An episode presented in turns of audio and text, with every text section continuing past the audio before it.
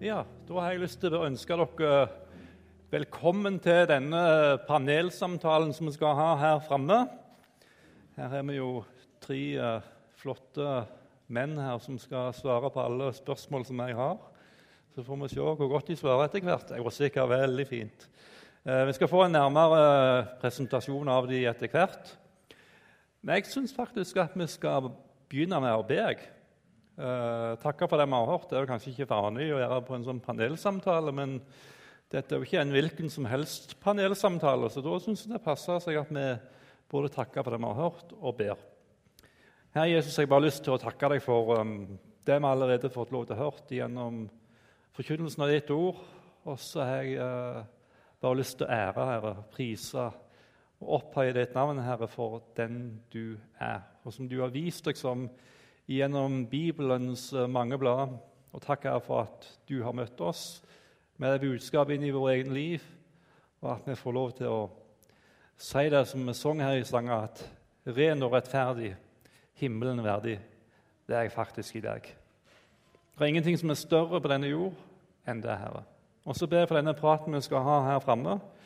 Må du være med og lede oss i samtalen, og at det er noe som eh, kan få betydning for vår liv og for de omgivelsene som vi er en del av i vår tid i dag. I ditt navn. Amen. Altså, denne helga har vi jo um, fokus på reformasjonsjubileet. 31. oktober for 500 år siden så spikka Luther de 95 tesene opp på kirkedøra i Wittenberg. Og Det markerer jo starten på reformasjonen. Og Nå har vi jo allerede hatt uh, to undervisningsbolker med fokus på Skriften alene og troen alene. Og I forbindelse med dette med jubileet så tenkte vi at det var på sin plass å ha en liten sånn uh, samtale her framme. Uh, der vi snakka litt om hva aktualitet har Luther i dag. Dette er ikke en debatt der det skal gnistre her framme, men det er mer en sånn lavmælt samtale. Uh, får vi se, da. Tror iallfall ja. Helst uten mikrofon. Nei, men det, det, sier noe om at uh, det er ikke en debatt, og da senker vi temperaturen litt for den uh, praten vi skal ha. Det er jo ikke sikkert at alle her er enige om alt, men det, det, kan være ulike vurderinger som en kommer til uttrykk, og det har vi stort rom for. Og Vi fokuserer i denne samtalen her på, disse, på fire bolker. Eh, Jesus, trua og nåden alene, skrift alene, til Guds ære alene, og så litt til slutt om økumenikk. Men først så skal de få lov til å presentere altså disse herrene, herremenn som sitter på siden av meg her. Eh, så kanskje vi skal begynne i enden her med Erik. Og da, er, da sier du litt om deg sjøl, og så kan du si litt om hvorfor du kaller deg luthersk. Og så Før du setter i gang, så gir vi en åpning mot slutten. Hvis noen har noen kommentarer eller spørsmål, så er det åpning for det når vi kommer mot slutten. Men vær så god, Erik. Takk for det. Eh, først må jeg bare få si jeg satt uh, i stua hjemme jeg og Anne tidligere i høst. Og så satt jeg og forberedte meg, litt stilt sånn, og så spør Anne hva er det du holder på med. Ja, Vi skal ha en sånn samling i Nordisk Indremisjon, og skal vi ha om reformasjonens fem solas. Og Noen skal snakke om Kristus alene, og noen om Kristskriften alene, om troen alene. Og, og jeg skal ha en bibeltime om eh, troen alene. Faith alone, til og med, på engelsk. Så OK. Stilt lenge. Så bare vinker hun i sofaen der borte, og så sier hun 'Hello, wife alone'. så um, det er det sjette reformatoriske prinsipp. Kone alene. uh, og ehm, det kan jo forstås på to måter. da. Uh, vi er like viktige begge to. Vel, Jeg heter Erik, jeg er leder i IMF og har vært det i åtte år. og... Uh, Eh, hvorfor er jeg luthersk? Altså, Jeg vokste opp i en veldig lavkirkelig bedehussammenheng på Sunnmøre. Eh, med islett av eh, ja, det jeg kan kalle reformert syn på ting. Og, og, og, men jeg ble veldig opptatt, eller den oppveksten ga meg en, en, bevissthet om at uh, det å tro på lærespørsmål er faktisk ganske viktig. Og så, når jeg flytta derifra, gikk på bibelskole, studerte, uh, bodde andre plasser, så fikk jeg et større vidsyn for, for hva, hva, hva, andre tror, og, og slipes litt sånn i kantene og sånn. Og ja, jeg vil jo se den i denne salen som kan si at de har valgt å bli luthersk. Eh, og så er en vokst opp der vi vokste vokst opp, og 90% av eh, kristenheten i Norge er luthersk. Ehm, så, så, det er ikke et valg som vi gjør. Men eh, når jeg gikk godt inn som leder i en sånn organisasjon, så er det jo selvsagt Jeg hadde ikke gjort det uten at jeg har en trygg forankring, at jeg står for den lutherske lære. Eh, og For meg så er det, når du da blir kjent og verdisett også andre evangelikale kristne rundt omkring, så er det likevel For meg så er det som er uttrykt i den lytterske bekjennelse, er et, et sunt uttrykk for eh, Bibelens lære på de ulike spørsmål. Eh, så For meg så er det en, en eh, en, en, eh, en helhetlig framstilling som, som, eh, jeg kjenner meg veldig eh, er et, et, ja, er et sunt uttrykk for de ulike sidene ved vår kristne tro. Og så er det en kar som sitter der borte, som kanskje ikke alle kjenner like godt til. Nei. Hallo? Ja. Jeg heter da Ole Korneliussen, gift med Ingvild, sitter der bak. Og jeg har vært eh, under din ledelse, nå er ikke det lenger. Jeg jobbet i Indremisjonen, Nordhordland, i fem år. Og eh, ja Jeg har jo skrevet en mastergrad om nettopp forkynnelse, lov, evangelium og formaningene, så det er jo veldig spennende. Jeg er jo litt sånn representant for de unge, da, her. så det er jo noen unge i salen, så jeg kan være en liten representant for de. Det var litt derfor jeg var med her, da, forsto jeg. altså for å si sånn, Jeg har jo lest den der masteroppgaven din, så jeg tenker jo det vet jeg man òg, da. ja, da. eh, og hvorfor jeg er luthersk, det syns jeg er et utrolig eh, spennende spørsmål å få. Fordi at det finnes ikke noe større enn evangeliet om Jesus Kristus. Og er det noen konfusjon som fremholder evangeliets klarhet, rettferdiggjørelse av tro alene, så er det lutherdommen. Det er det de har vært så opptatt av. Og med et realistisk menneskesyn og et syn på evangeliet og fremhever Guds hellighet i et sånt eh, forståelsen lov og evangelium, så er det veldig etter det jeg forstår Bibelen. Og nettopp alt dette her kommer med et sjelesørgerisk sikte. Og det syns jeg lutherdommen fremholder på en utrolig bra måte. Det at, Og det var det hele reformasjonen sprang ut ifra. Hvordan skal jeg vite at jeg er et Guds barn? Hvordan skal jeg finne en nådig Gud? Og det er det som vi strever med i forståelsen av det å være kristen. Mm. Og det har lutherdommen sett noe inn i. Mm. Ja. Leif, det kjenner vi jo litt til etter hvert, da, men Takk. Uh, altså, for min del så er på den uh, ja.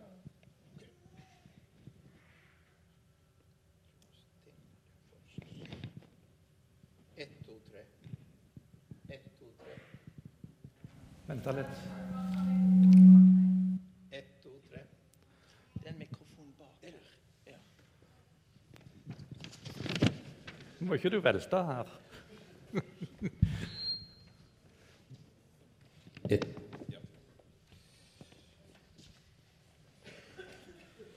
Ja, det her med lutherst for min del så, så det her kom jeg, kom jeg in Alltså jeg ble, jeg ble personlig omvendt med en, med en kraftig omvändelseupplevelse fra en, från en sånn her nominellt kristen bakgrunn som 15-åring. Og da eh, kom jeg fremst inn i, i, i, i karismatiske sammanhang. Det som gällde da, var den her Jesusrørelsen, som, som var vel, gikk over hele Vesterlandet på 70-talet.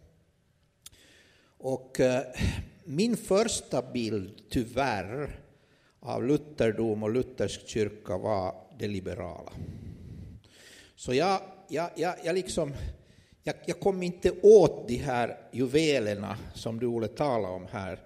Just, jag, jag, jag kunde inte liksom nå dem därför att de fanns gömda bakom det här liberala skalet som jag mötte i min egen hemförsamling och i den finska lutherska kyrkan då redan på den tiden.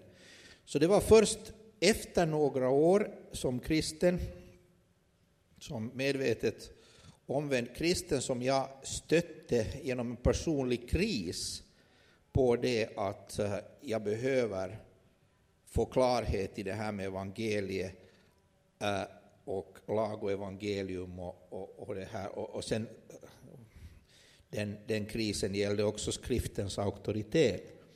Og det var da jeg møtte eh, overtygede, eh, medvetet eh, bibelsk-lutherska kristne. Man måste komma ihåg att jag, jag kom så utifrån att jag visste inte ens om att det fanns väckelserörelser. Jag hade aldrig hört om något sånt som, som nor, nor, norsk väckelsekristenhet eller finsk ens. Utan jag hade levt helt, helt liksom i, ett, i, i, i ett sånt här nominellt sekulärt sammanhang. Mm. Så för mig var det på grund av personligt behov som jag började läsa Luther första gången. Jag, jag, jag ville liksom veta om evangeliet och det var någon som sa till mig att du ska läsa Luther, du ska läsa Galaterbrevets kommentar och så vidare. Mm. Och, og jeg leste det og, og, og jeg opplevde da at det jeg leser, så det taler til mitt eget, eget hjerte. Mm. Og det, det, det, man, man, kan si så her at om jeg ikke skulle ha funnit evangelium, som jeg sen, senere upptäckte at det er jo klart at det er Paulus evangelium og, så, og Jesus eget evangelium, men om jeg ikke skulle ha funnet evangelium gjennom Luther så tror jeg ikke jeg skulle ha orkat. Det var så mycket lagiskhet, så mycket sån svärmiskt och sånt som var på gång då i det, de sammanhang som, som, som jag rörde mig i. Att Luther eh, och luthersk eh, teologi det, i bästa bemärkelse gav mig precis det som ni, ni, ni båda sa här, att det, det, gav mig också liksom mark under fötterna, det gav mig någonting som håller. Uh, nå skal vi snakke litt om Jesus og tro og nåden alene. Og En av de store oppdagelsene man kan ta sånn i hermetegn, så Luther kom med, var at vi frelses av nåde ved troa på Jesus Kristus alene.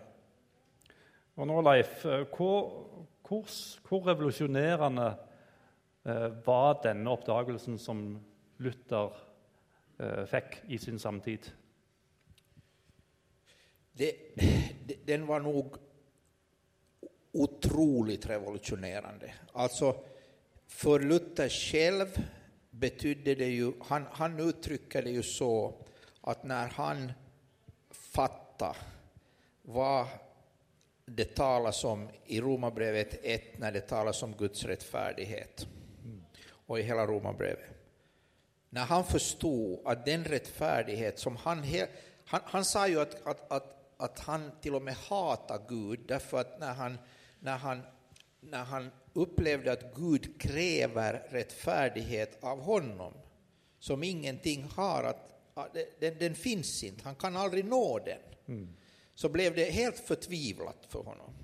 Och när han sen fattade att den här rättfärdigheten som han trodde att han måste pre, äh, prestera blir given till honom i Kristus av nåd alena, så uttrycker Luther det så här, han säger att det var som om jag skulle ha kommit in genom paradisets portar. Det var som om jag skulle ha blivit född på nytt. Alltså den, den, den upptäckten för Luther var otroligt betydelsefull. Och den har varit det för en väldig mängd människor efter det. Mm. Och det var det över hela Europa när man predikade för folk som var rädda för helvete, rädda för domen. eh, som, det, det låter så främmande i vår tid det här, att, att man kan tänka sig, men det var så konkret för dem, för de levde så nära döden och de alla trodde på Gud, det fanns nästan inga ateister alls. Så, så eh, det, det, var en, det var en annorlunda kultur. Man levde nära döden, nära domen och så kommer det här budskapet att du kan få ett barnaskap, en frid. Det var väldigt kraftigt. Og du Erik, da, hva, hva, har, eh, hva har dette hatt å bety for, eh, for vår bevegelse? Og hva tenker du at dette betyr for oss i dag? Det, det er jo litt sånn rart å tenke på at eh, krist, luthersk konfesjon ble, ble statsreligion i Norge ganske rett etter, tett på den, den uh, reformasjonen. Uh, men det var nok en sånn kongelig resolusjon. nær sagt. Det skjedde gjennom, uten at det fikk betydning for folket og prestestand osv. Så, videre. det går faktisk 300 år fra reformasjonen til bedehusbevegelsen. Eh, og, og vekkelsene bryter ut. Og Det er litt sånn tankevekkende, tenker jeg. det, så, så det var jo det, på, en måte Plattformen var jo lagt eh, i, i forhold til det, det som eh, reformasjonen hadde eh, gjenvunnet eller eh, sett av, av skattene i, i, fra Guds ord. Eh, men det skulle ta 300 år før det sank ifra, ifra hodet ned i hjertet, liksom. Eh, Så kommer Hans Nilsen Hauge som en veldig viktig person. Og så ikke minst så kommer eh, Karl Olof Rosenius med, med en frigjørende Kristusforkynnelse fra Sverige. Det, det er nok litt sånn dette her eh, eh, pietistiske Med alt det gode som var i det, så var det nok mange som sleit litt med å få til kristendommen sin. på en måte. Mm. Det, det var et, et strev. eh, og- det var på en måte først eh, når en, en fikk den, en frigjørende Kristusforkynnelse, bl.a. ved Rosenius, at, folk, eh, at det, det tendes vekkelsesbrann, og, og det fikk misjonsorganisasjonene og alt dette. Så det, det er klart, det å få, um, få en personlig møte med Jesus og bli satt i frihet uh, og- den, en frigjørende Kristusforkynnelse er på en måte vært en, eh, en, en, eh, nøkkel og en viktig del av hele vår identitet og egenart. Eh, Og det er eh, Det er ikke noe selvsagt at det skal Eller har vært det og skal være det fortsatt. Men det, det, jeg tenker det der eh, Det står og faller egentlig med om at, å se en kristendom som, som faktisk kan sette menneskefrihet fortsatt. Da. Eh, at oss for, for det handler om Kristus, det handler om trua alene, nåden alene, og, og få hvile i det. Uh, og få frimodighet uh, ut ifra det, at uh, vi, vi får, får leve der, liksom. Du Ole, hva tenker du da om det budskapet som Luther kom med? Hva har det å si til din, din generasjon av nordmenn? Luther sitt budskap det har jo adresse til alle folk til alle tider. Det er den samme gamle Adam som bor i hvert eneste menneske. Og det har adresse til alle sammen. Nåden alene, troen alene, Jesus alene. Men hvis jeg skal svare på spørsmålet ditt, hva har dette å si spesielt inn i min generasjon, som vokser opp i dag, så, så tenkte jeg på ordet generasjon prestasjon. Og der tror jeg det ligger en, en Hvis vi vet litt om hva som rører seg der, så er det litt interessant i forhold til forkynnelsen. fordi at det generasjon prestasjon opplever, det er jo at i alle sammenhenger så skal de prestere, både på sosiale medier, Facebook, alt mulig. Utseende, karakterer og videre. Og psykiske problemer, folk kan være utslitt og forskjellig sånn. Og i den settingen så skal vi komme med dette budskapet, dette frigjørende budskapet. Og Det tror jeg har, kan ha en veldig god adresse til de som lever i dag. At vet dere hva? Du skal få lov til å hvile og legge fra deg alt, for det er Jesus som har gjort alt. Å hvile i at alt vårt er utelukket. Altså det, er jo det, det er sånn utrolig sånn, det er ikke noe balanse, men det er liksom helt på den ene enden. Det er i en grøft, nesten. Og det er bare å si vet du hva? Alt vårt er utelukket. Jesus har gjort alt. Det kan sette mennesker i frihet i dag. Og hvis vi får formidlet det på en god måte um, Og tro, altså Det med generasjonsprestasjon gjelder jo de fleste som vokser opp i dag. Men jeg tror òg at dette sneker seg over i kristne eh, sammenhenger.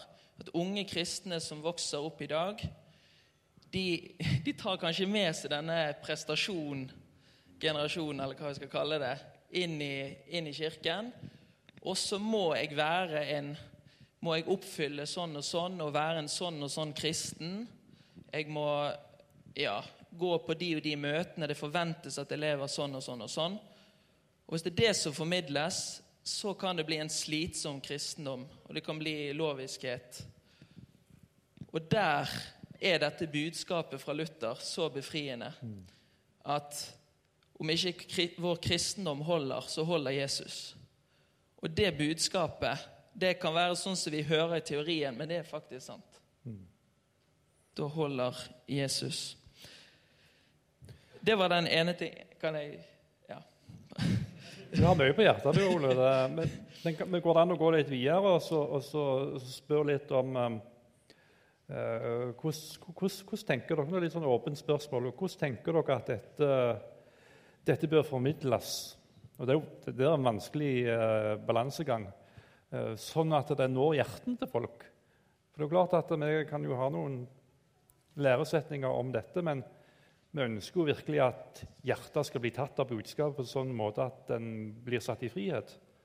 Hvordan tenker dere at det skal gjøres på en god måte, sånn at det skjer? Jeg tror jo Ole er inne på noe vesentlig når han beskriver sin generasjon, og det tror jeg eh, er, går ganske langt oppover i forhold til eh, å, å leve. Altså, leve på måte, mange måter i et litt sånn lovisk samfunn, om å være slik og slik. Eh, Press eh, til å, til å, å, passe inn i en, inn i en eh, både en å skulle se sånn og sånn ut og være sånn og sånn. Eh, og jeg tror at skal vi nå inn til mennesket, så handler det at, om en tydelig frelseslære, ja, men også en skapelseslære, skapelsesteologi, eh, knytta til at du faktisk er skapt av Gud. Et budskap som blir svakere og svakere, eh, der oss er et resultat av tilfeldigheter. Men du faktisk er skapt av Gud, du er elska av Gud. Eh, og det å møte på en måte den skamkulturen som i stor grad eh, samfunnet vårt etter hvert blir prega av, med et, et sånt med, med et, eh, et, blikk som Og det, det, ser oss på en måte når vi nå henter disse Avana-ressursene fra USA, så er den sida veldig svak. og det må oss, jeg har sett eh, som en oppgave, det må vi styrke. For det å, å, å tale til mennesker om synd eh, uten at du eh, eh, forkynner en tydelig eh, et, et, skapt i Guds bilde og elska og ønska av Gud, så, så, blir det på en måte bare en bekreftelse av vår skam, at for at det når inn til en sann erkjennelse av hva faktisk eh, er en synder som, som trenger Guds frelse. Litt, litt jeg tenker i forhold til forkynnelse, du var inne på det litt her, men, men, men um, selv om folk lever i, et, i, lever i en sånn generasjon prestasjon, så er det jo ikke dermed sagt at de har en erkjennelse av at jeg er en synder. Uh, jeg trenger en nådig Gud. Uh, hva tenker dere om det? Hva tenker du, Leif? Det, det, altså, det er veldig bra det her. Jeg holder helt med om det her som sies her. Altså, det, det behøver jo Vi, vi, måste forkunne og undervise eh, på brist på et bedre ord, hele paketet. Alltså hela den kristna läran. Ja, för det är precis som du säger att om man Även om man upplever sig helt utmattad och, och, och slutkörd och så här så söker man kanske lösningen i yoga eller någonting, att du får sinnesro. Det är väldigt populärt i Finland. Bland, bland, man, det, det är till och med läkare som, som äh, föreslår åt patienter som är slutkörda att, att pröva med yoga. Att du lugnar ner dig. Det är väldigt populärt med sådana här tysthetsretriter där du sitter bara tystnad. Äh, så att om du, om du inte har, om du inte börjar med skapelse och, på, på, och, och får förklarat på någon liksom, nivå det här med synd, ansvar inför Gud, så är det väldigt svårt att, att få att liksom ta emot budskapet om nåd. Mm. Utan att det blir liksom en slags ny prestation som du ska göra mm. för att liksom känna dig befriad och så här. Men, men jag tror att det går att göra därför att Bibeln är aktuell och för det kristna budskapet är aktuellt. Men jag tror att vi behöver, vi behöver en massa bön, bibelstudium och, och, och tänkande för att vi ska finna kreativa sätt, inte att omforma den kristna tron, inte, inte att förändra den, utan att förkunna den troget, mm. precis som den har varit i 2000 år, men för denna tid. Mm. Uh, det kanske ska ske på många olika nivåer. Nu menar jag inte alls att det uttömmer det, men vi har till exempel i Finland kanske den kändaste filmregissören Klaus Herre som har gjort annat filmen Post till pastor Jakob och andra sådana här väldigt kända filmer som, som är en bekännande, öppen krist, öppet bekännande kristen. Och jag tror inte du kan gå och se på en enda av hans filmer utan att du på ett djupt sätt upplever någonting som är liksom nytt, färskt på något sätt om nåd, om, om, om, om någonting djupare. Det är det själv, han, han själv har sagt att han vill, han vill prestera. Det, det, räcker inte, det är inte allt ännu, men vi måste finna liksom nya sätt att, att plocka fram äh, skapelsen, syndafallet, frälsningen. Mm. Men, men jag liksom upprepar ännu en gång att man får inte förändra det. För det, det, det typiska man gör när, när, när den kristna tron är pressad är att man säger att vi ska, vi ska lite liksom dämpa ner, vi ska ta bort lite, vi ska lite förändra det, så, som om vi skulle veta bättre än Gud hur budskapet ska formas. Det är en gång för alla givet i skriften, men vi måste tänka igenom hur den, det samma budskapet ska presenteras 217 mm. i, det, i, i, i, i denna månad för detta folk. Jeg tror nesten vi må gå videre til neste tema. Jeg må snakke litt om Skriften alene. Og En av de eh, andre hovedpunktene vi har fra reformasjonen, eh, det er jo synet på Bibelen, Skriften alene. Og På riksdagen i Worms i 1521 så ble Uluther stilt framfor keiseren og andre høytstående representanter fra kirke og stat og andre representanter fra utlandet. Og Så ble han spurt om han ville tilbakekalle det som han hadde skrevet i disse bøkene han hadde, hadde skrevet. Um, og Så ba han om betenkningstid og gikk inn i bønnen til Gud. Og, og Neste dag så kom han fram, og så svarte han følgende.: Dersom dere ikke ved hjelp av Bibelen kan bevise at jeg har skrevet noe som er feil, så verken kan eller vil jeg trekke noe tilbake. Min samvittighet er bundet av Guds ord.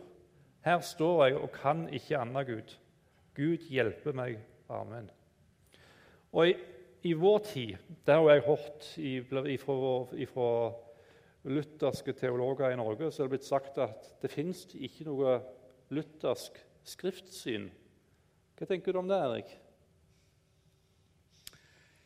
Ja, Det er skrevet litt forskjellig om det i høst. Eh, og jeg tenker vel at det er ikke så helt uh, vi skal ha et, et, litt sånn, eh, spesielt kanskje i bedehussammenhengen, at vi tenker litt sånn enkelt og firkanta om, om, dette med Skriften alene og, og sånn. Eh, eh, og så eh, fordi at oss poenget med Luthers, sånn som jeg opplever det, dette såkalte formalprinsippet, er jo at og som du uttrykker det du leste nå, det er jo på en måte at oss, oss, det å forkynne, det å lære, det må på en måte kunne forankres i Skriften. Mm. Um, og uh, det, det er jeg, jeg, husker jeg, jeg gikk på bibelskole sjøl på 80-tallet. og da, da, stilte jeg noen utfordrende spørsmål til noe som var formidla, og så spurte jeg hvor det står i Bibelen. og så fikk jeg jo litt sånt svar tilbake. Jo, det hadde jo kirkefader ditt og datt sagt. og og Det imponerte ikke så, meg så veldig, akkurat den argumentasjonen. Eh, men etter hvert så er det klart du får en respekt for hva eh, kristne ledere har formidla opp gjennom tidene. Og, og måtte, kan lett for å avvise veldig fort eh, sånn sett tradisjon. Men eh, er samtidig blitt veldig viktig for meg. Eh, og, eh, og knytte det på en måte til at det som blir formidla, og ha litt sånn vidsyn rundt det, men det må på en måte kunne forsvares ut fra Skriften. Jeg husker jeg hadde en læresamtale med en som var med i Den nordiske katolske kirke. var ansatt på en av skolene våre. Jeg grudde meg fryktelig til den samtalen. Eh, men jeg leste meg opp litt på disse kirkefedrene, og så fant jeg masse bra der. Men de sannelig sto der for litt merkelige ting også.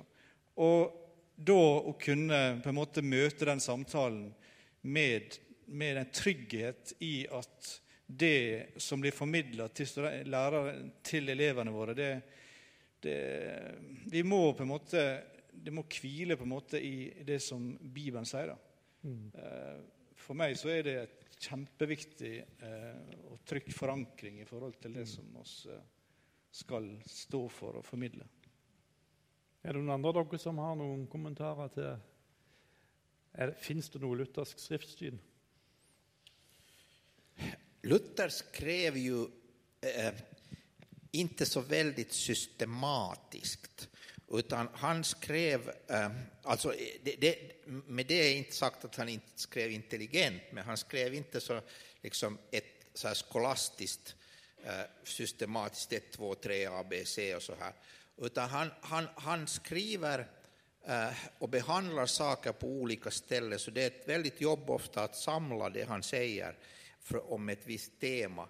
Men de som har gjort det, till exempel teologidoktor Leif Eriksson i, i Finland, som har skrivit kanske den bästa boken jag någonsin har kommit över om, om Luthers bibelsyn, och det är eh, Bibeln som auktoritet och nådemedel hos Martin Luther.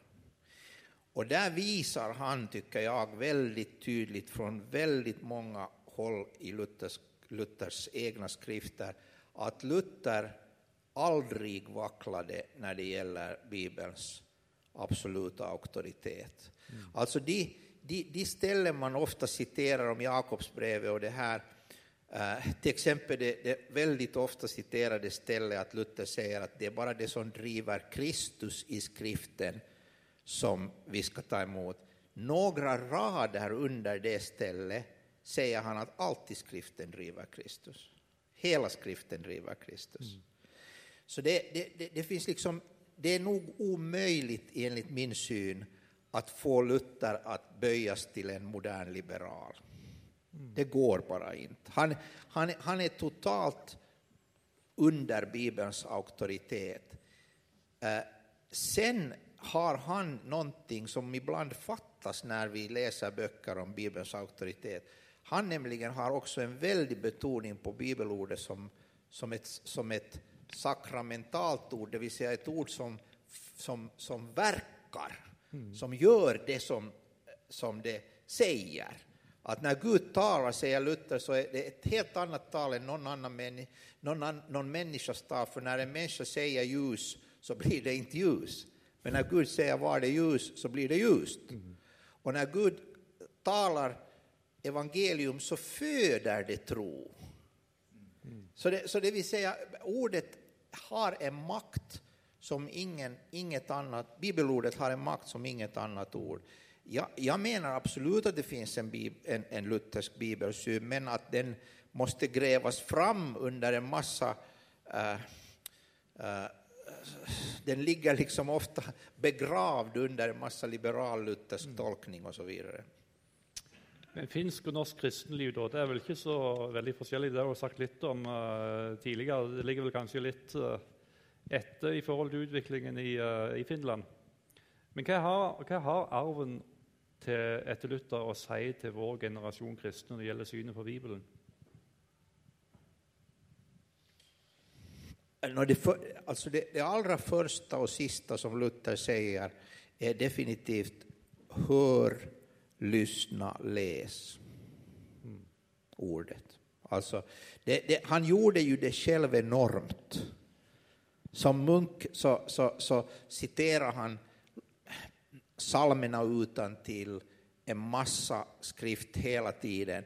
Och sen när han undervisar så, så, så, så ligger det bakom det fast han inte så mycket gör sån här modern exegetik att han plockar fram liksom grekiska så här, men han, han har gått väldigt djupt i, i, i varje vers i Galaterbrevet och Romarbrevet och så vidare. Så att det första och det sista Luther säger är bekanta dig med bibelordet, läs det, hör det, lyssna det.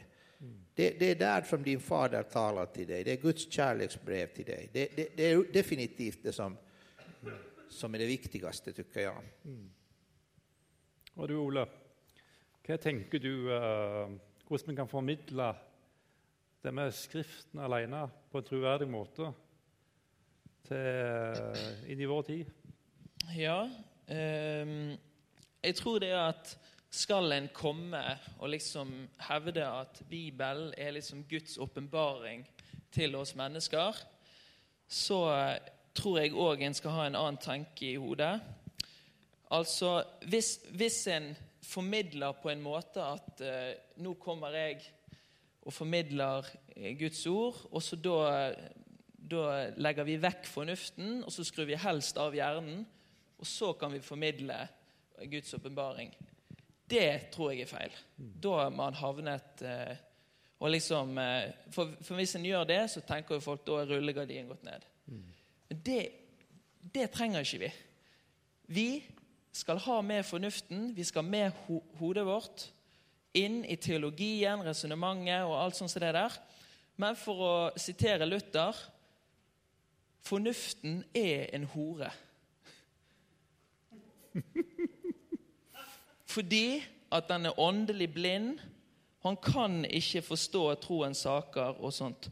Og og Derfor må vi skille her mellom at når det gjelder det vi skal tro, og det vi skal lære og ikke minst gjøre, så er det ikke vår fornuft som kan forstå det. Vi kan ikke resonnere oss fram til det. Men da trenger vi åpenbaring. Vi trenger Guds åpenbaring. Mm. Og, og, det kan vi gjøre sammen med et klokt hode. Og, ikke, og det har jo vært så mange kloke hoder, ikke minst disse kirkefedrene nedover utrolig smarte folk, mm. men de trodde på Gud mm. likevel. Så det må vi ha med oss, at det ikke er noen motsetning der.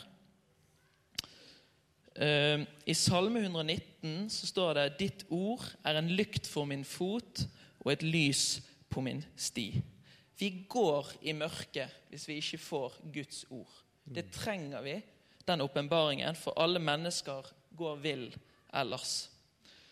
Uh, Loven har jo blitt gitt oss, og den skal jo ikke bare vekke synserkjennelse etter det som vi kaller lovens andre bruk, men loven skal jo òg formidle hva er det vi kristne skal tro og lære. Og det trenger vi å ta med oss inn i vår tid. At det loven formidler, det er Guds gode vilje til evig tid, fordi det gjenspeiler Guds karakter. Og Gud forandrer seg ikke. Selvfølgelig er det jødiske forskrifter og sånne ting. Det trenger ikke vi å tenke så mye på. Men det er veldig mange lover som er aktuelle, og det er jo det som blir problemet i dag når en skal velge og vrake. Og tenker at jo, men jeg bruker fornuften min og tenker at jo, men sånn og sånn og sånn. Og så kommer vi med våre tusen jammen. Men så har Gud faktisk sagt noe. Sånn er det.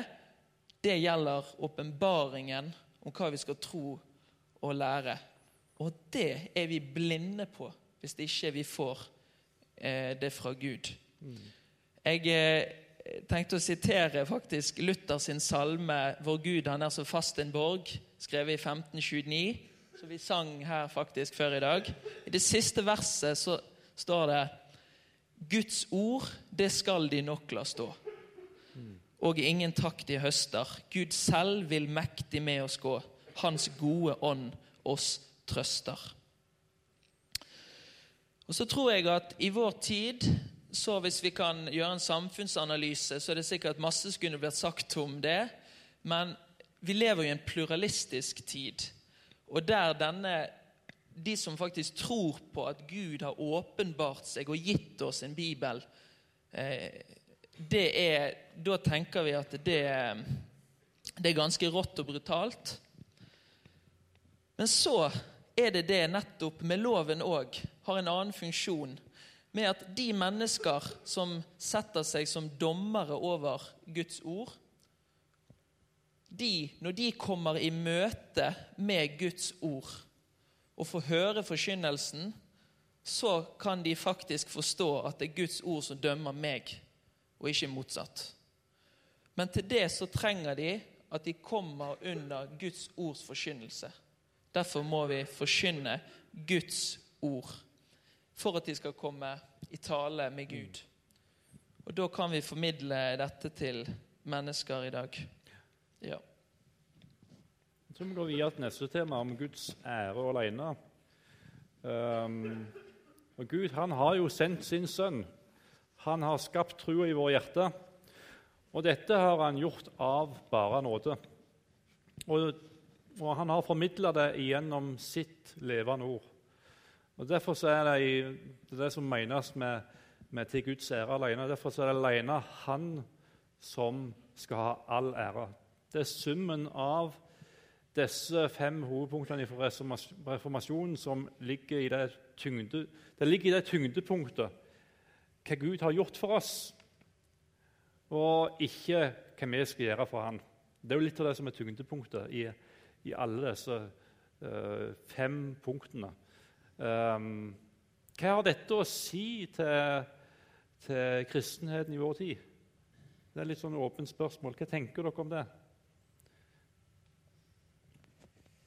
Ja, det stender Paulus skriver vel en plass om at uh, enten dere et eller drikker, eller hva dere enn gjør, uh, la det være til Guds ære. Uh, sånn som jeg har forstått, så er det jo det, det punktet der sola Det er jo gloria eller det, det er jo på en måte en, som en slags reaksjon imot den katolske kirke, som opphøyde eh, paver, helgener, mm. mennesket ble opphøyd. Og, og nei, på en måte, Det var mer fokus på, på, på mennesket enn Gud. Uh, og um, Det må vi på en måte forstå også i en, i en sånn historisk sammenheng. Men det har oss sannelig også i vår stor grad eh, oss også gjør. Og, det å sette oss sjøl, ikke minst i en tid som oss, som er der oss er opptatt av å realisere oss sjøl, og, og, som Leif sa, på en måte What's, what's in it for me, liksom? Uh, hva, hva, hva, får jeg igjen for dette her? Og det spør jo Peter også. Uh, Jesus, hva, hva, får oss igjen for dette her, liksom? Og, og, det er helt naturlig at oss, å tenke sånn, men, men, det å Jeg tror at for meg så er det, det til Guds ære alene et, egentlig et enormt frigjørende budskap fordi at oss sammenligner oss så lett med hverandre, og så gir oss, er oss tilbøyelige til å gjøre det som eh, er synlig for andre. Eh, men det å tenke at eh, enten det er synlig eller ikke synlig Men der er en Gud som ser. Der er en Gud som, som, som verdsetter, som ser truskap. Og at vi skal slippe over øyentjenere og bare gjøre det som andre ser for meg så er det en enormt frigjørende dimensjon over det. Um, og Selvsagt skal vi verdsette hverandre og skal rose hverandre og skal kappes om å hedre hverandre. Um, det er viktig. Uh, men det, for meg er det et enormt frigjørende budskap å tenke at til sjuende og sist å se med Gud gjøre som, som skal ha ære. Det er Han som har skapt oss, det er Han som utruster oss, det er Han som eh, skal eh, Ja, det er Han som skal ære. Eh, det er kjempeviktig. Eh, Jeg tenker jo at eh, en del bønner i dag, så er det jo veldig mange behov vi har. Og der tror jeg òg vi har så lett for å lage en kristendom som er menneskesentrert. At vi ber om våre behov og alt sånt. Og det er, skal vi få lov til, og det skal vi gjøre, og det er kjempeflott. Men hvis det blir bare det, så tror vi har misforstått litt hvem vi, er, hvem vi ber til. Vi, er, vi ber til en hellig Gud, og han eh, fortjener all ære. Og derfor, sånn som sånn så du formidler så sterkt i sted, det er han det handler om. Det er Gud det handler om. Og Det kan vi tenke på kanskje neste gang vi folder hendene og takke. Hva kan jeg gjøre for deg for at ditt navn blir æret? Og ikke bare hva kan jeg Eller kan jeg har litt vondt i foten, og så er det liksom det min tilværelse kretser seg rundt. Så det er noe med det der å løfte fokuset opp til Guds ære, og det henger sammen med disse andre slagordene fra reformasjonen. Nåden alene og alle disse. Og da blir det bare Guds ære. Da blir det det som blir eh, Det som kommer ut ifra sjelen. Takken til Gud og æren til Hans navn. Og Det tror jeg er en, en sunn kristendom. Og så kan, vi, kan jeg minne om det Jesus sier. Søk først Guds rike og hans rettferdighet, så skal du få alt det andre i tillegg. Det kommer, men det hvor er sentrumet henne? Guds rike og hans rettferdighet. Og så skal vi få alle disse andre tingene. En, en sak som gjelder her, er det som vi kanskje kanske inte tillräckligt har använt när det gäller Luthers, Luthers skrifter. Jag håller just på att läsa en bok som heter Me, Myself and I. jag, jag själv och jag, eller hur man ska översätta det. Och det är en, det är en, det är en, luthersk teolog som skriver om eh, vad Luther säger om avgudadyrkan. Och Luther har en massa att säga om avgudadyrkan. Och han menar alltså, Luther menar att varje gång du inte har Gud som Gud, och han talar faktiskt om hela treenigheten, Fadern, Son och den helige Ande, så ersätter människan de här personerna med någonting annat som blir en avgud. Alltså om du inte väntar dig att Gud är den som ger dig allting som en gåva, att hela livet är en gåva av Gud och allt du har, alla dina gåvor, allt du äger är en gåva förtro, anförtrott dig av Gud. Så, så da mener du att du själv har eh, varit så duktig att du har fått till stånd allt det här, fast ditt liv hela tiden har hängt på ett hårstrå, så att säga. Och vem är det vi väntar oss som inspiration och kraft i vårt liv? Vem är det som vi tänker och var tänker vi att vår rättfärdighet finns? När man börjar tänka i de här banorna så märker man att det här är väldigt, en väldigt fruktbar eh, tankegång hos Luther, det här med avgudar. og och, och, den, och den, här bok, den som har skrivit den här boken menar att vi borde utnyttja det här, han heter Mark Lockwood, han menar att vi borde utnyttja det här mycket mer när vi predikar om synd idag. För det är svårt att predika om synd, men människor kan lätt förstå att du alltid har någon som är ditt högsta, din Gud, din, det som du förtröstar allra mest på. För, för, för, för de flesta är det jag själv. Det, det, det, jag är vår största avgud, säger Martin Luther. Och, och det, det, det, det där är väldigt intressant och jag tror att det är något som vi inte har använt tillräckligt. Och när man sätter det i motsats till Soli Deo Gloria, så då blir ju motsatsen den när du har en kompositör som gör någonting som folk kommer att spela och njuta av följande 500 åren og så skriver han solide og Gloria under.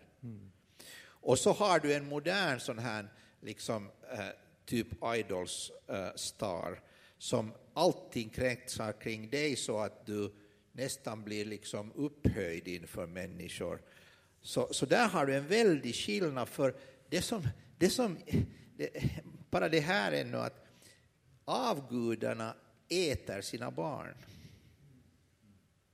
Så när du har en avgud och du dyrkar dig själv så kommer du inte att hålla ihop.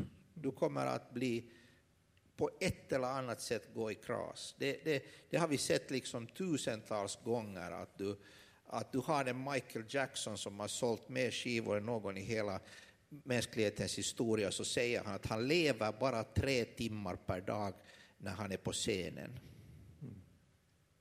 Livet är så tomt. Så då märker du liksom att avgudarna äter sina dyrkare. Så att, så att här, här är någonting, vi, vi, vi, behöver faktiskt gå tillbaka till det här med Solide och Gloria. Vi behöver gå tillbaka till det att det är Gud alene som ska ha äran. Vi skal snakke litt sammen om, eh, om økumenikk. Eh, og i, eh, i de senere åra i Finland og Norge så har det vært en utvikling du har snakket litt om det tidligere, i synet på ekteskapet. Og det at mennesker av samme kjønn lever sammen seksuelt, det, er, det blir i store deler av Den norske kirka sett på som, uh, som helt, helt, greit. Som ikke er brudd på Guds gode vilje for vår liv. Um, hva tenker du, Erik, om uh, hva konsekvenser et sånt syn får for forkynnelsen av, av evangeliet? Jeg måtte komme inn på det nå også. Ja, eh, nei, altså jeg, jeg, eh, jeg, tenker vel at det der er en sånn eh, Hva skal jeg si Naivitet i forhold til eh, eh, Altså, Når en liksom sier at en forkynner evangeliet, så er altså evangeliet er evangeliet, liksom. Og, og eh, selv om Bibelen snakker om flere evangelier. og Paulus advarer hvis det kommer, om det kommer en engel og forkynner et annet evangelium. Eh, så, så evangeliet betyr jo det glade budskap. Eh, men oss må på en måte gjenkjenne evangeliet ved at det for det første er Kristus som er sentrum i det. Men det handler jo igjen disse, disse eh, synd og nåde, lov og evangelium.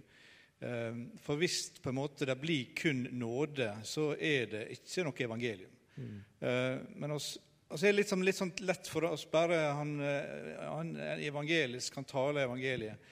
Eh, så, så blir vi på en måte litt sånn naive i forhold til at det, da er det bibelsk, liksom. Ehm, og det, den største faren i vår tid er jo det som Leif var inne på i, en av timene sine her, dette med at uh, det går jo bra med oss alle til slutt. Uh, den såkalte universalismen. altså uh, Alle blir frelst til slutt, og, og Gud har rettferdiggjort denne verden. og Jesus, det Jesus gjorde det, det gjorde opp for det fallet til Adam osv. Så, videre. så går det bra med alle til slutt. Um, så det, det med trua og en levende tru, utfordre til en levende tru, ikke bare en sånn eh, teoretisk tanke om at Gud han fins, og, og, og, og, sånn, men at det, det er et, et, personlig trusliv, eh, er jo et helt fundamentalt i det. Og det oss er Jeg opplever jo at det når du snakker om økonomikk, så er det jo eh, å stå i et si, litt rikere fellesskap nå gjennom, gjennom uh, i vår tid enn kanskje han har gjort før i å stå sammen med andre kristne fra, fra andre eh, sammenhenger, evangelikale kristne. Eh, men vi merker alle at disse bibelnedbrytende kreftene kommer tettere og tettere inn på alle våre sammenhenger. Mm. Eh, så det som skjer i Den norske kirke, det skjer inn i våre forsamlinger, inn i pinsesammenhengen, inn i metodistene. inn i så står altså ikke alene, men det, er på en måte, det, det skviser kanskje litt tettere sammen um, i, uh, når du på en måte får, kommer til kjernen av vår tru. Og, og uh, sånn sett så, så um, er jeg veldig glad for en, at oss uh, på ulike i, i, dette med menighetsplanting, f.eks. sendt fokus, og der står sammen med 15 andre kirkesamfunn og organisasjoner til å, til å plante nye forsamlinger.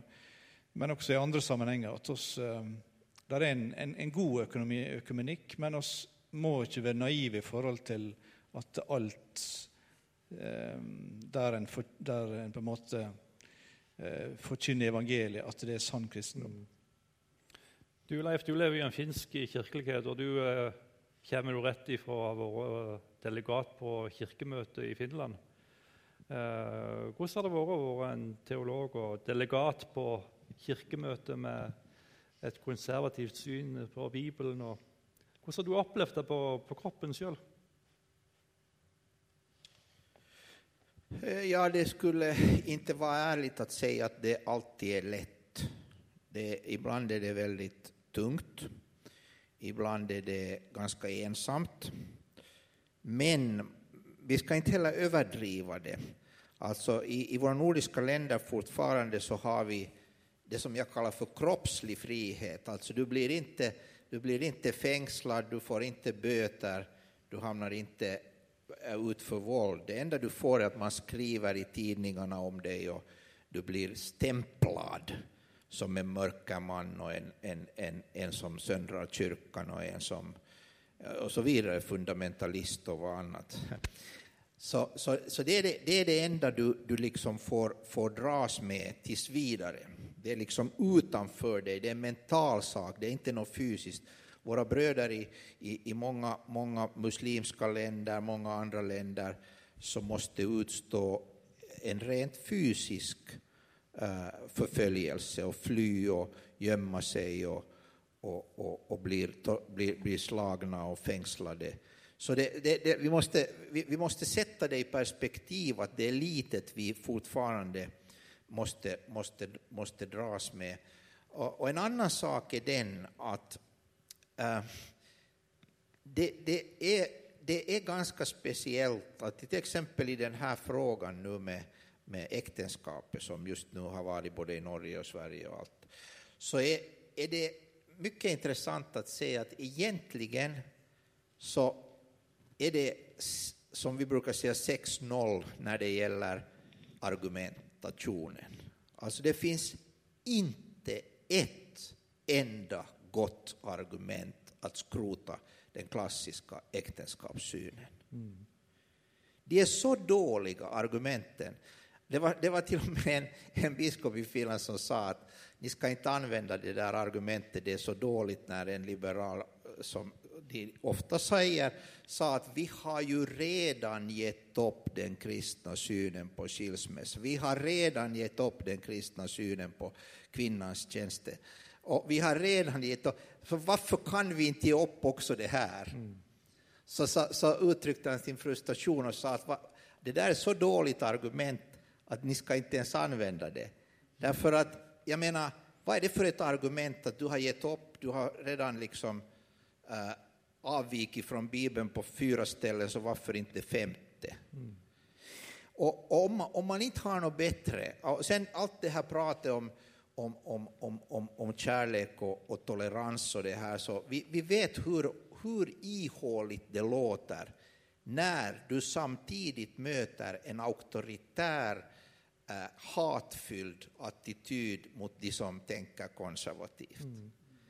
Så, så liksom, det, det, jag skulle säga att, som, som alltid amerikaner säger, they are running out of arguments. Och det, det, det, det, det är så tydligt att den kristna äktenskapssynen tycker jag står starkare än någonsin. Den lyser klarare än någonsin idag. Med, med, med det enda undantaget att vi måste undervisa den också i de kristna församlingarna för vi praktiserar den dåligt.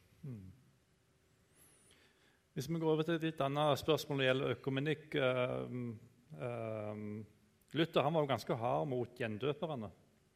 Han kalte det jo ting som kanskje ikke vi ville kalt uh, gjendøperne for. Da er det jo pinsevenner, baptister og forskjellige som, som eh, kommer under den kammen der. Ehm, og nå spør jeg deg, Ole, hva, hva tenker du? Og hva er din erfaring blant unge kristne? Eh, Ser du for deg at enheten den bygges i større grad på tvers av konfeksjoner enn det som er kanskje var tilfellet tidligere? Ja, nå eh, har ikke jeg levd så lenge, så jeg har ikke mye sånn referansepunkt til tidligere utenom det jeg har hørt, kanskje. Men jeg tror at skillelinjene mellom konfesjonene, eh, og spesielt hvis jeg da snakker for oss unge Vi har jo flere menigheter her i Bergen. Salem, Betlehem, Salt, eh, Frikirken osv. Og, og jeg tror at det er veldig liten terskel for å gå over fra den ene til den andre, som Bjarte Leithaug sang på 80-tallet. Det er nok ganske vanskelig å finne åndelig hjem med daglig hopp fra Salem, Siloa og Betlehem. Ai, ai, ai. Ah, ah, og så videre. Ja. Og, og jeg, så jeg tror ikke det er noe Det er ikke noe problem. Og grunnen til det er fordi at bevisstheten om læren tror jeg er svakere og svakere. Altså, Folk vet ikke engang hva en luthersk kristendomsforståelse er for noe. De har ikke peiling. Derfor kan en like godt gå i salt, og det er jo ikke noe vondt ord mot de, men da kan en like godt gå der. Å, er de pinsevenner, de? Å ja. Sant? Fordi jeg tror ikke ungdommer er så bevisst på det. Og det henger jo sammen med det, den generelle mangel på bibelkunnskap som er i de unge som vokser opp i dag. Og blant de unge som er i menigheter, tror jeg har veldig liten bibelkunnskap og veldig lite bevisst på hva de egentlig Hvorfor tror jeg det jeg tror på? Og Derfor tror jeg òg at disse skillelinjene mellom menighetene ikke er så store. Eh, og da er jo spørsmålet hva er det en skal enes om? Hva er det en skal bygge enhet på? Og jeg tror at det er positivt. Vi har jo f.eks. Enhetsfesten, som arrangeres hvert år her i Bergen. Mellom alle, de fleste, mange menigheter. Og jeg har vært med på noen av de. Og sånn som jeg opplever det, så er det det at det blir ofte litt på de eh, hva skal jeg si, karismatiske sine premisser. Sånn at eh, vi andre vi kommer litt sånn i ja, kjekt å bli invitert med. Nei da. Men eh, det er litt sånn. Eh, for eh, det er veldig Det blir nesten en sånn at det er trendy å snakke om enhet. Men hva er det enheten handler om? Er det læren vi enes om? Er det evangeliets klarhet vi enes om? Eller er det bare enhet generelt? Og da tror jeg det at hvis vi kan gå tilbake igjen til disse lutherske slagordene med disse solaene, så er det det vi må enes om. Det er det vi må løfte fram. Evangeliets klarhet og bevisstheten rundt læren. Eh, jeg har et lite hjertesukk i forhold til sangen i dag, lovsangen. Og Der tror jeg også, det òg er et symptom på det jeg nettopp har sagt. At en kan hente inn sanger fra alle mulige andre slags sammenhenger som har en bakgrunn i en teologi som overhodet ikke stemmer overens med f.eks. en luthersk kristendomsforståelse. Og Derfor kan sanger bli hentet inn gjerne fra Hillsong. og alt. Det, det er sikkert mye bra i Hillsong, men det er forskjellig som hentes inn, som har en annen type teologi. Og nettopp det er ikke folk bevisste på. De synger de fordi det er de populære sanger. Men de har ikke peiling på at dette er en annen teologi som ligger bak enn f.eks. den lutherske. Og jeg og min kone vi, hun nevnte en sang her som hun eh, Hva var hun het? Eh, skal vi se om jeg finner det her Maria Hognestad hun har skrevet en sang, og jeg har lyst til å sitere en setning i den sangen. Hun synger Elskede Hun synger Jeg kroner deg som konge med min kjærlighet. Så tenker jeg, hva i all verden betyr det? Jeg kroner deg, Jesus, som konge med min kjærlighet. Med min kjærlighet. Og Der har du fokuset igjen. Vekk ifra det som vi snakket om i sted, med solo eh, Deo Gloria. Det er på meg. Og at jeg kroner, også ikke minst med min kjærlighet. Men det er ikke det som er evangeliet. Og eh, så da må jeg Det er et hjertesukk. Og hvis jeg kan få lov til å ta en, et eksempel til, eh, en lovsang, så er det Og den vet jeg at kanskje mange er glad i, men det er noe likevel som jeg reagerer på. Og det er den sangen 'Gud, vekk opp mitt indre', så jeg kan se, osv. Og, og der synger de i refrenget 'Jeg vil gå dit du går', hvor enn du kaller, hjelp meg å følge. Jeg vil se de, de du ser, hvert knuste hjerteslag. Og jeg tenker Mange i salen kan sikkert ha et fint forhold til den sangen og tenke at det er en bønn for meg hvis den er bevisst. Men problemet er det at det er mange som kan synge den sangen som gjerne ikke er så bevisst, og så blir det lovisk. Og da stiller jeg spørsmålet bare det faktum at det går an å tolke det på forskjellige måter, og at det ikke er helt sikkert hva er det som egentlig menes i denne sangen. Det er for meg eh, Ja, da, da syns jeg vi heller bør ha sanger som har klare tekster, som synger om Jesus. Og jeg syns det var så flott du dro fram, Leif, den sangen 'Ren og rettferdig, himmel verdig'. Nå snakker jeg ikke om at vi skal tilbake igjen til 1800-tallets form. Men jeg synes den teologien som er i den sangen, er utrolig befriende å synge. Og det gjør at jeg har lyst til å gå ut i tjenesten. Det er det gjør at jeg har lyst til å følge Jesus. Og ikke at jeg synger om at 'Å, jeg har så lyst, jeg vil følge, jeg lover sånn og sånn'. Det er et hjertesukk for meg. Og det er noe som er veldig aktuelt for eh, de unge i dag. De sangene som synges på tvers av konfesjonene. Mm. Ja. Hva tenker dere om uh, det som vi snakker sammen om nå? Ja, altså, eh, Som jeg sa i stad, er det nødt til å, å, å um, glede seg over den eh, Sånn som f.eks. Lusanne-bevegelsen, Billy Graham, John Stott eh, gikk i bresjen for på 70-tallet. Jeg og Leif har reist på European Leadership Forum, samles med ledere fra hele Europa, fra ulike sammenhenger. Eh, det å oppleve oss sammen som, som kristne eh, er en enorm berikelse. Eh, det må vi ikke glemme. Og at vi ikke tenker snevert i forhold til den lutherske leir og sånne ting. Vi vet og kjenner på hjerteslaget Eh, og samfunnet med andre kristne fra andre, andre sammenhenger. Men eh, hvis på en måte en, en, en, kommer i den situasjonen at det er hipp som happ hvor det går, eh, og, og, og, hvis på en måte, la oss si pinsevennene eh, senker bevisstheten om hva de står for, eh, og senker betydninga av lærespørsmål, det er da jeg blir redd.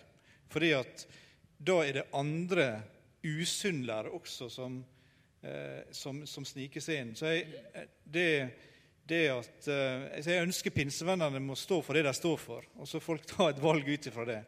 Og som lutheranere må stå for det å stå for og løfte fram med frimodighet.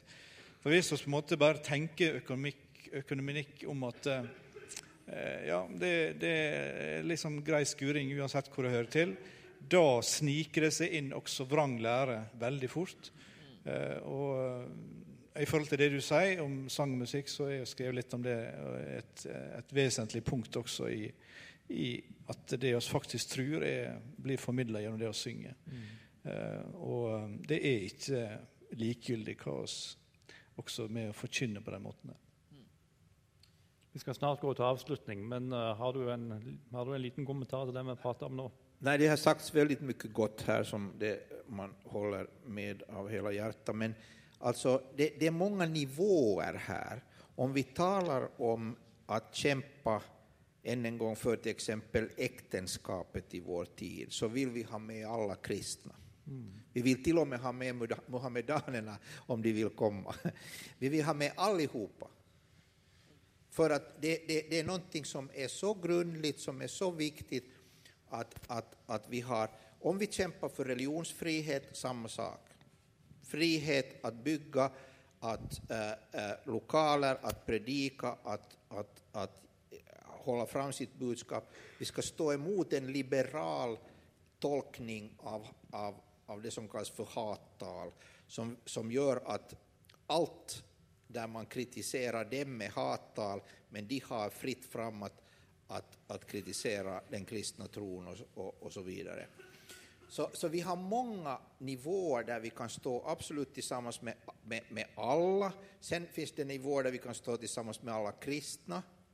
Men så finns det nivåer där, där det inte går att äh, liksom ge upp en enda hur ska vi säga, centimeter. Alltså du måste stå väl, när det gäller själva evangeliet och kontrasten mot det lagiska, att vi inte med egna gärningar och med något som helst i oss kan nå upp till Gud och presentera någon egen rättfärdighet inför Gud. Där kan vi, där kan vi inte liksom pruta en millimeter. Att, som jag citerade den här teologen som sa att evangelium det är att älska Jesus. Om evangeliet är att älska Jesus så är vi alla i helvete. Ingen av oss älskar Jesus tillräckligt, tyvärr. Så, så där måste vi säga, här går en absolut gräns. Detta är inte evangelium, detta är lag. Evangelium är att Jesus älskade oss och dog för oss och betalade allt.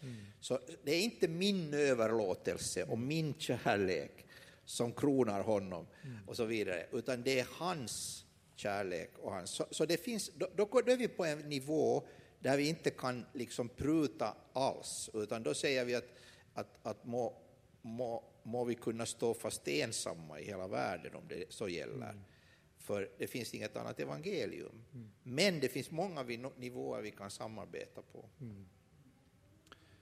Eh, jeg, jeg tror vi gir en liten åpning hvis noen har noen kommentarer eller spørsmål fra salen. Da må det være ganske kort, for nå er det egentlig mattid. Eh, er det noen som har eh, noen kommentarer eller spørsmål? Vigleik?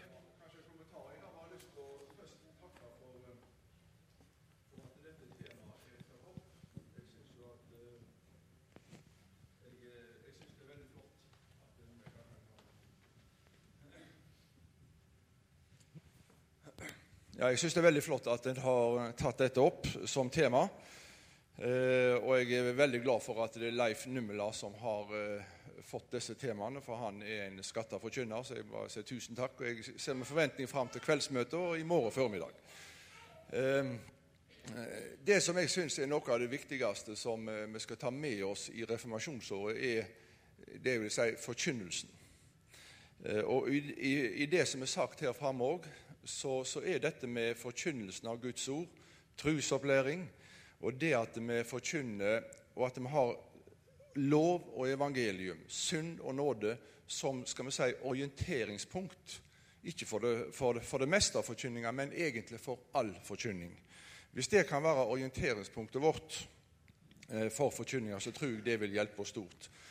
Og eh, Ser vi historisk på det, så, så, så vil jeg vel si at eh, det har ikke alltid vært like enkelt for Indremisjonen å heise opp eh, skal vi si, den lutherske fane, selv om en har det klart som sitt grunnlag i, i, formålsvedtektene osv. Så, videre. så jeg tror det er litt viktig at vi også er litt sjølkritiske. Har vi vært for lite flinke til å forkynne med dette orienteringspunktet? Har vi vært for lite flinke til å forkynne, altså lære forkynning? Og så kommer vi inn på det som Ole var inne på, dette med at eh, ungdom i dag, og også oss eldre, vi er på en måte litt sånn lite bevisst på å forvirre. Det er ikke så nøye hvor vi går, hva sammenheng vi går i. Og jeg, jeg har masse, hatt mye med pinsevenner å gjøre. Fantastisk flotte kristne brødre og søstre. Men jeg syns det er godt å være trygg på hva jeg står for sjøl. Eh, Og jeg mener at En del av grunnen til at vi er der vi er i dag, og at det kanskje en er ikke så nøye på hvor en vandrer imellom ulike sammenhenger, er nettopp at vi har svikta på det med forkynninga.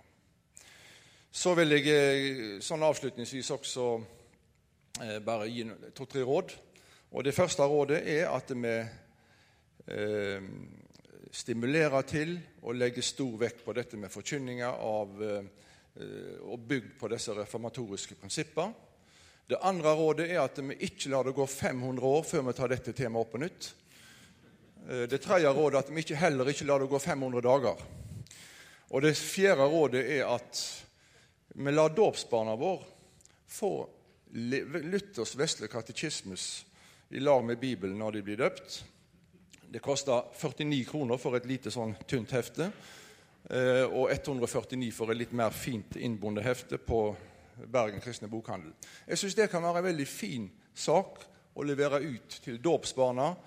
Altså vil si at foreldrene tar det med seg hjem og bruker det. For det er faktisk god pedagogikk i Luthers vesle katekismus. Det mener jeg. Så det kan være det fjerde vesle rådet i dag.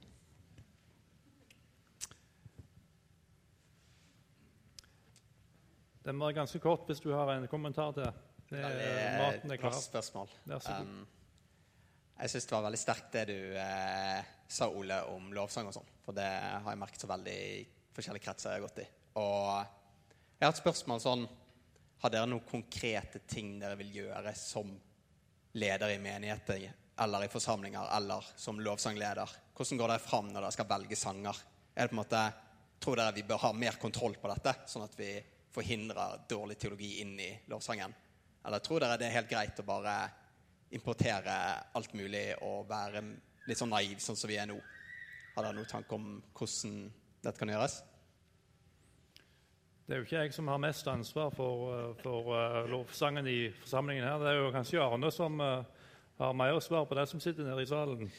Jeg kan svare litt på det. Vi innførte nå nylig et, uh, et direktiv, det er et populært ord i ja, eh, For der vi skal eh, alt av, alle, alle nye lovsanger som skal brukes i timene her, skal via eh, meg eller styret i Betlehem Ung for å kontrollere teologien i det.